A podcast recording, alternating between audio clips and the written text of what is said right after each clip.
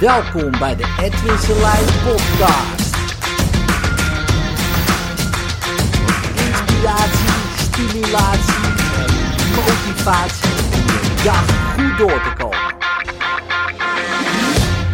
Je ego is echt top.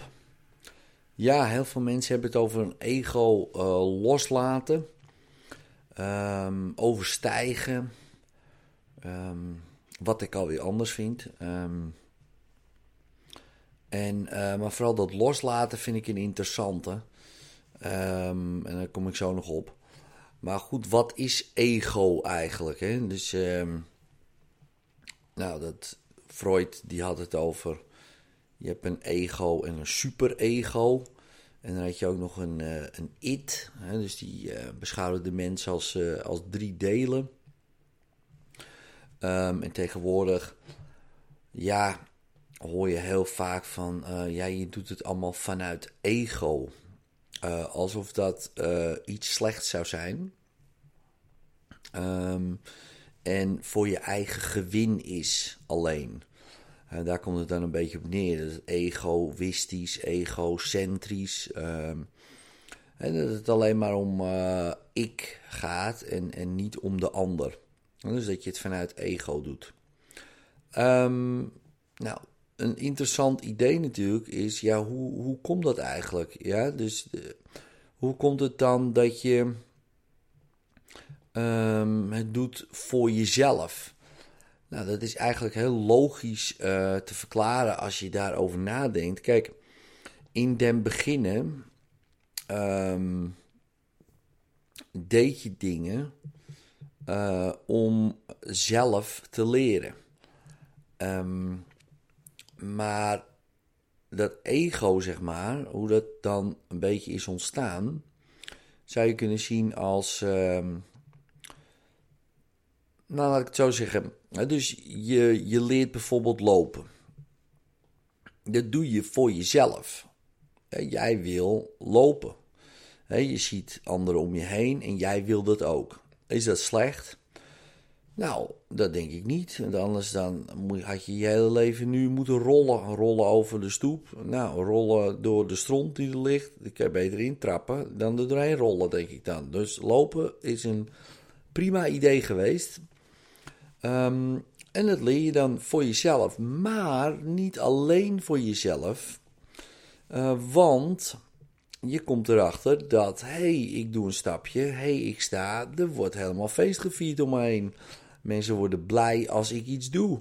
Mensen worden blij als ik iets nieuws doe. Mensen worden blij als ik ga staan. Mensen worden blij als ik een stapje zet. En ze beginnen helemaal te applaudisseren. Misschien kijk ik wel een snoepje, misschien kijk ik wel dit, misschien kijk ik wel... Ik kijk van alles, weet je wel. In ieder geval heel veel waardering en erkenning omdat ik iets doe. Um, ja, wat, waar ik precies erkenning en waardering van krijg, dat weet ik natuurlijk niet. Want ik doe soms ook dingen, dan krijg ik helemaal geen waardering. Dan krijg ik uh, juist het tegenovergestelde, weet je wel. Wel aandacht, maar uh, niet per se de aandacht uh, die ik dacht te krijgen, bijvoorbeeld. Dus mijn prestaties worden gekoppeld aan gevoelens. Hè? Gekoppeld aan gevoelens van waardering en erkenning. En presta sommige prestaties uh, worden gekoppeld aan straf. Hè? Dit kan je niet doen en dit wel. Um, en zo wordt mijn ego gevormd en wordt presteren belangrijk voor mij. Ja, want daar krijg ik mijn waardering van. Daar krijg ik mijn erkenning van. Dan ga ik naar school en iedere keer als ik het goed doe, krijg ik waardering. Als ik het niet goed doe, krijg ik wel aandacht, maar niet per se het stukje waardering of erkenning waar ik naar op zoek ben. Dus op een gegeven moment wordt mijn waardering, mijn erkenning, wordt gekoppeld aan prestaties. Dus als ik presteer, is het goed. Als ik niet presteer, is het niet goed. Um, ja, en dan zie je toch dat, dat dat tot allerlei problemen natuurlijk kan leiden. Dus het, bijvoorbeeld, het is nooit goed genoeg. perfectionisme, tot richting burn-out. Of juist, ja, weet je, het lukt me toch allemaal niet. Ik ga niet meer presteren en ik word depressief. Uh, bijvoorbeeld daardoor, want ja, nu krijg ik geen waardering, want ik presteer niks en dan ben ik dus niks waard. Uh, al dat soort koppelingen zie je dan later vaak terugkomen. Terwijl um, dat was iets uh, vanuit je kindtijd. Maar ja, omdat het zo lang door is gegaan. Ja, echt vanaf heel jong al. Echt super, super jong. Half jaar, misschien al veel eerder. Hè, want ga je zelf maar eens na als je kinderen hebt. Als ze iets leuks doen. Hé, hey, wauw, te gek. Kijk nou, hij lacht of hij zwaait of hij kan rollen of whatever. Uh, dan begin je al te belonen voor prestaties. En dus jij uh, legt die koppeling daarin bij je kind. Ja, uh, is dat verkeerd? Ja, nou ja, daar kunnen we over discussiëren. Het is zoals het is. Ik heb dat ook gedaan. Mijn kinderen zullen het ook doen. Bij mij is het ook gedaan. Nou, dus ja, dat, zo gaat dat. Ja, dus wij belonen prestaties. En zeggen we later, nee, ja, presteren is niet belangrijk. Nee, maar we hebben het wel de eerste hele tijd uh, erin gebracht dat het wel belangrijk is. En dan opeens later gaan zeggen, nee, ja, het is toch niet belangrijk. Nou, ga dan maar eens anders doen. Dat is best heel lastig. Ja, dus, dus dan uh, zit je misschien tot je twintigste op school en dan heb je twintig jaar lang uh, alleen maar de koppeling meegekregen: presteren is belangrijk. Presteren is belangrijk. Ja. En stel je voor, je hebt alles bereikt wat je wil bereiken. echt alles. Dan komt onvermijdelijk het gevoel: is dit alles? Dan krijg je dat uh, liedje opeens in je hoofd. Is dit alles? Nee, want het was al niet alles. Ja, want je bent niet op de wereld gezet om te presteren. Dus uh, gevoelsmatig. dus dat je alleen maar presteert, presteert. En het wordt alleen maar beroerder. Ja, want als je kijkt naar bijvoorbeeld sport. Ja, um, in principe zou je kunnen zeggen: iemand van 80 presteert op het voetbalveld een stuk minder dan iemand van 30. Even, na, even meegenomen dat ze allemaal gevoetbald hebben. En dus ook die van 80. Dan zou je zeggen, je hebt wel 80 jaar ervaring in voetballen. Ja, dat wel. Maar de prestaties zijn toch wel achteruit gegaan. Ja, de snelheid is verminderd. Uh, alles is minder geworden. Vergeleken met diegene van 30 die nog echt wel op zijn top zit. Weet je wel. Um, dus als je dat natuurlijk als koppeling hebt, presteren, eh, dan ben je iemand, ja, dan wordt dat al heel snel een groot probleem. Uh, dan, hè, als, je, als je ouder wordt. En dat zie je dan ook vaak gebeuren. Hè. Dan zie je zo'n midlife crisis uh, idee, quarter life crisis, half life crisis, weet ik veel wat je allemaal hebt. Um, one eighth crisis, geen idee wat je allemaal hebt. Dus, dus dan wordt dat een probleem. Dus dus als je het hebt over dat overstijgen, wat ik wel een beter woord vind dan loslaten. Want als ik denk, ja, je moet je ego loslaten, dan is dat ook wel weer een soort prestatie.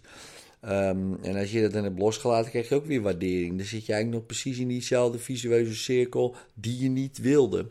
Uh, dus die suggestie vind ik wat minder goed klinken. Want het klinkt voor mij meer als een prestatie.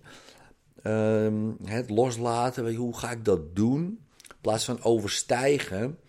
Of, dat vind ik mooie klinken. Al kan je dat ook linken aan presteren, weet je wel. Maar ja, klinkt al voor mij dan persoonlijk wat vriendelijker.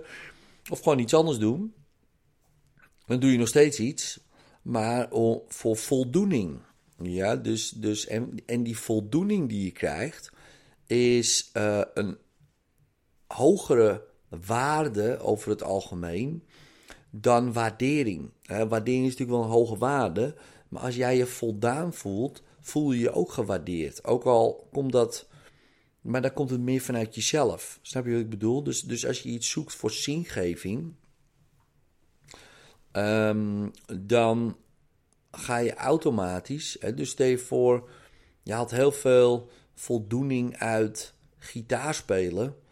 Um, maar ja, je hoeft niet per se een podium op. Je hoeft ook niet per se dat te laten horen aan mensen. Je doet het puur voor jezelf.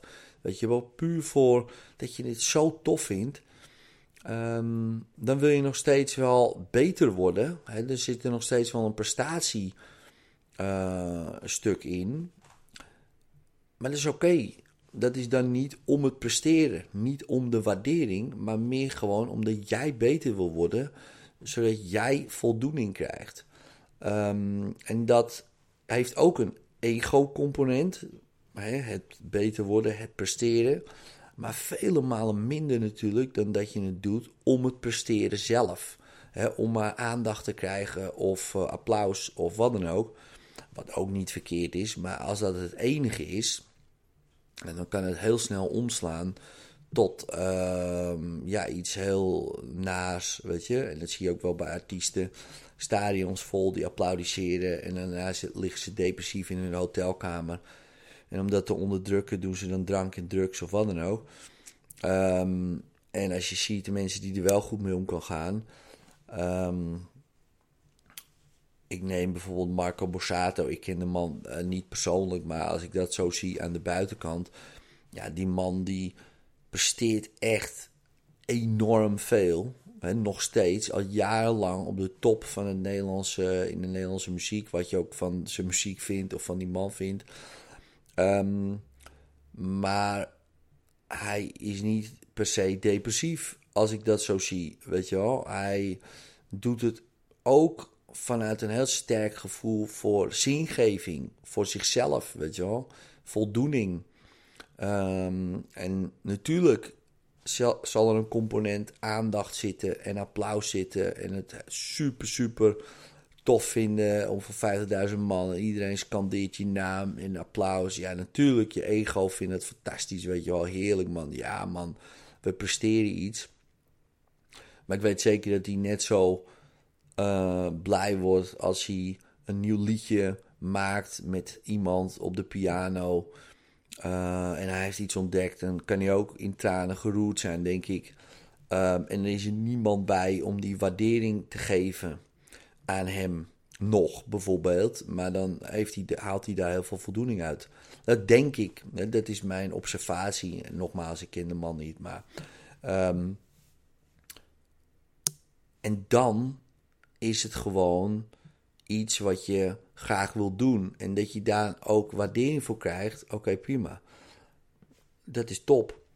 Ja, en dan heb je, voor mijn idee, je ego um, wat meer overstegen. In de zin van dat je meer je focus of je aandacht hebt gericht op wat heeft nou zin voor mij? Wat geeft mij voldoening? Wat is nou dat stuk zingeving voor mij?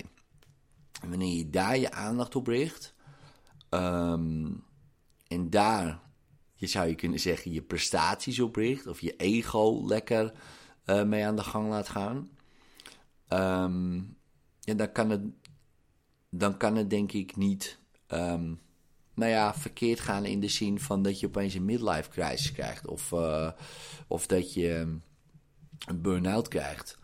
Uh, of dat je depressief wordt of wat dan ook. Omdat je iets doet wat jij tof vindt. Weet je wel? En of je er nou wel of geen uh, waardering voor krijgt. Het grappige is vaak, als je iets doet wat je heel tof vindt. En je blijft dat doorgaan en je wil daar beter in worden. Puur gewoon omdat, het, omdat je dat heel tof vindt. Ja, dan is de kans ook heel groot dat je daar succes mee krijgt. En die kans wordt meteen groter. En dat je daar dus meer waardering voor krijgt en meer erkenning voor krijgt. En dan is de kunst om steeds weer terug te gaan natuurlijk naar dat stukje zingeving weer. Um, om dat vast te houden. Voordat het inderdaad alleen maar om het presteren weer gaat. Um, en dat het weer een ego-dingetje zou kunnen worden.